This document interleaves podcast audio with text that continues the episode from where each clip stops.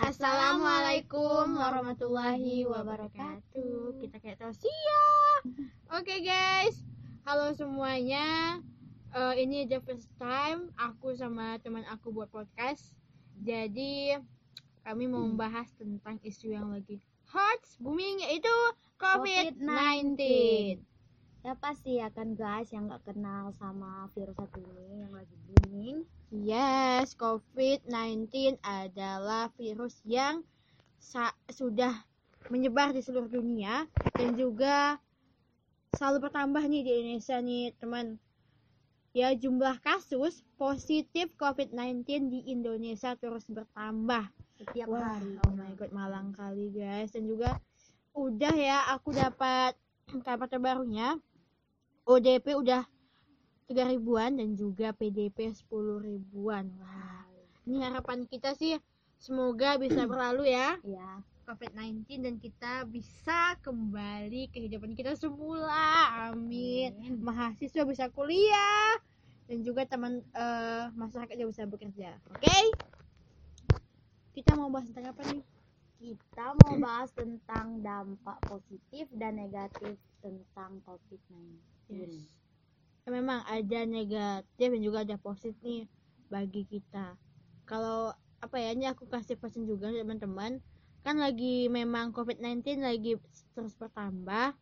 Stay at At home. Jangan ke mana-mana, tetap di stay at home di rumah lu aja dan sambil dengerin podcast kita walaupun gak jelas tapi mantap guys mudah bermanfaat ya podcast kami ya baiklah ini virus corona ataupun COVID-19 adalah penyakit yang disebabkan oleh infeksi virus SARS-CoV-2 yang mana ini pertama kali diidentifikasi di kota Wuhan. Di mana tuh? Di Di- Cina di- pada Desember 2019 lalu. Yes, dan COVID-19 telah menyebar ke seluruh dunia dan termasuk Indonesia. Jadi nih ya teman, COVID-19 itu sebelumnya tuh dikenal sama novel coronavirus namanya. Nah, penyakit pernapasan sebelum dikasih nama resmi ya, yaitu COVID-19 pada bulan Februari 2020 gitu.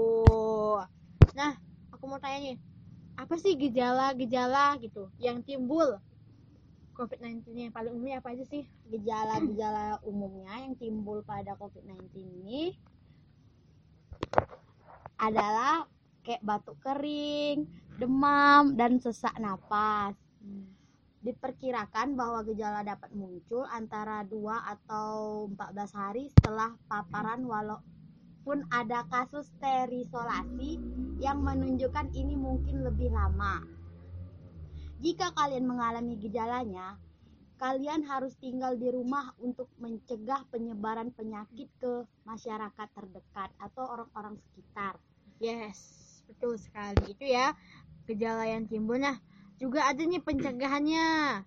Pencegahannya yang pertama adalah nih yaitu cuci tangan secara rutin. Yes, dan juga yes, betul sekali. Dan juga ya hindari kontak dengan orang lain. Satu meter ya Satu kita. meter, Ini kita ya. jauhan nih loh Oke. loh. dan juga hindari menyentuh mulut, hidung, mata, wajah. Tuh kalau misalnya batuk, bersihin tutup ke siku. Oke, terus sih apalagi tindakan lain? Ah, iya, tindakan lainnya. Bersihkan kalau misalnya kita megang apa? eh, barang di rumah atau apa pun itu bisa dengan disinfektan. Oke, itu aja kayak apa ya? Apa sih itu? Larutan apa? Kayak Pembersih. larutan pembersih berbasis alkohol atau pemutih paling cocok untuk corona virus. Yes, yes, yes. Juga jangan lupa pakai masker nih, jangan lupa. Kalau keluar pakai masker kan. Hmm, yeah. Sekarang pemerintah udah Hmm. kayak mewajibin gitu ya kan kalau Hmm. kita keluar tuh harus pakai masker. Yes, betul sekali, guys. Oke, dampak positifnya apa sih? Yang pertama itu ya lebih peduli yang namanya dengan kesehatan. Pemberitaan mengenai wabah COVID-19 memang membuat panik di sejumlah negara. Namun, di balik itu, karena wabah ini juga kitanya lebih memperhatikan kesehatan dan lebih juga menjaga kebersihan. Betul nggak? betul betul Yes. banget Yes. Yang Kita- kedua apa? Hmm, yang kedua seluruh dunia bekerja sama Hmm. yaitu dalam arti dunia seakan sedang berbondong-bondong untuk mengalahkan virus yang virus yang satu ini. Mungkin virus ini bisa dibilang sebagai musuh Hmm. musuh kita lah ya ya kan. musuh negara ya. Jadi kerjasama dalam skala global tuh belum pernah terjadi kan. Dan karena COVID-19 negara berbondong-bondong kerjasama untuk membasmi. namanya virus corona yang ketiga manusia saling membantu hmm, ya jadi emang saling bantu kita kayak ngasih masker ya ngasih bantuan iya kan ya kayak eh, untuk alat pencuci tangan Yes, betul sekali. Dan juga kualitas udara yang membaik. itu yang keempat ya guys dampak Hmm. positifnya Next, ini dia. Yang kelima, hobi tertunda bisa terlaksana saat isolasi mandiri. Yes. Jadi awalnya memang mungkin sulit ya untuk melakukan segala aktivitas hanya di rumah aja, tapi hal itu perlu dilakukan untuk apa? Menyelamatkan keselamatan pribadi dan saling Menjaga satu sama lain. Yes. Jadi kebijakan isolasi mandiri juga memberi kita apa ya kesempatan untuk bekerja lebih sedikit, istirahat ya. Mm-mm. Ada kok dalam. Ya mungkin Tuhan negur kita sebagai manusia nih ya. Lu jangan kerja terus dong gitu. Ya, Istirahat dong gitu ya. Dan lebih dekat kepada Tuhan yang ya. sang pencipta kita. Yes. Ibadah dari rumah, belajar Ya. dari rumah. Yes. Yes. Dan juga kalau aku, aku mahasiswa nih, Iya. eh dampaknya sih kan kalau kami Ah, nih, inilah aku Hmm. tanya sama kamu ya kan. Hmm. Dampak COVID-19 bagi mahasiswa nih kalau menurut kamu kayak gimana? sebenarnya apa ya pro sama kontra sih karena kan emang yang pertama kami lebih stay at, at home di Iya. rumah aja kan nggak pusing-pusing ke kampus tapi susahnya tuh kalau kita emang ada namanya daring online kuliah online kan Iya. agak susah juga karena kita nggak tatap muka lalu juga apa ya kuliah online tuh ya video call aja kalau ada internet kalau ada jaringan kan susah juga Apalagi kita yang di perantau-perantau itu dikembalikan ke kampung halaman ya Hmm, kan. yes Tau lah di kampung kayak gimana Iya, jadinya. dan juga eh, administrasi di kampus juga susah. Kayak kita mau kan ngurus proposal, yang skripsi guys. Iya. Gimana lo? Apa kabar? Gue aja bingung.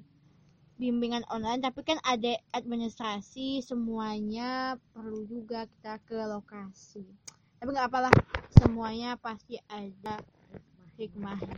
Yes, memang sih mahasiswa yang apa yang merasakan dampak langsung dari kebijakan kuliah online pun banyak yang memberikan pendapat nih. Yang pertama ada plus pertama plus kuliahnya online lebih efektif. Hemat waktu ongkos. Ya kan betul juga sih. Ya juga ya dan tenaga karena nggak perlu datang ke kampus kita lebih santai nggak tegang. Tapi ya itu juga sih. Itu juga online kan. Iya. oke mungkin itu aja kali ya. Iya.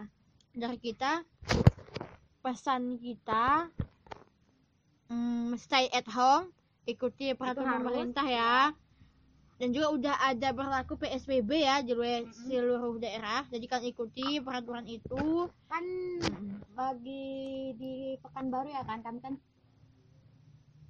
ya Pekanbaru udah mulai juga Iya, PSBB, mulai 17 April. Ya. Hmm, berlakukan. salam salam untuk mahasiswa Pekanbaru. Ya. Next, pesan kami itu stay at home dan juga teman-teman nih jangan ada yang keluar rumah. Kalau mau keluar pun ya yang ya kalau yang urgensi ya boleh lah gitu sekali-sekali. Oke, jangan hindari kontak satu, satu meter atau dua meter. Yes? Mungkin itu aja kali ya. Iya. Salam untuk kalian semua. Bye. Assalamualaikum warahmatullahi wabarakatuh. Thank you guys. Bye. You, See you, see you, see you. Bye. bye bye bye Jangan lupa ikuti proses kami selanjutnya.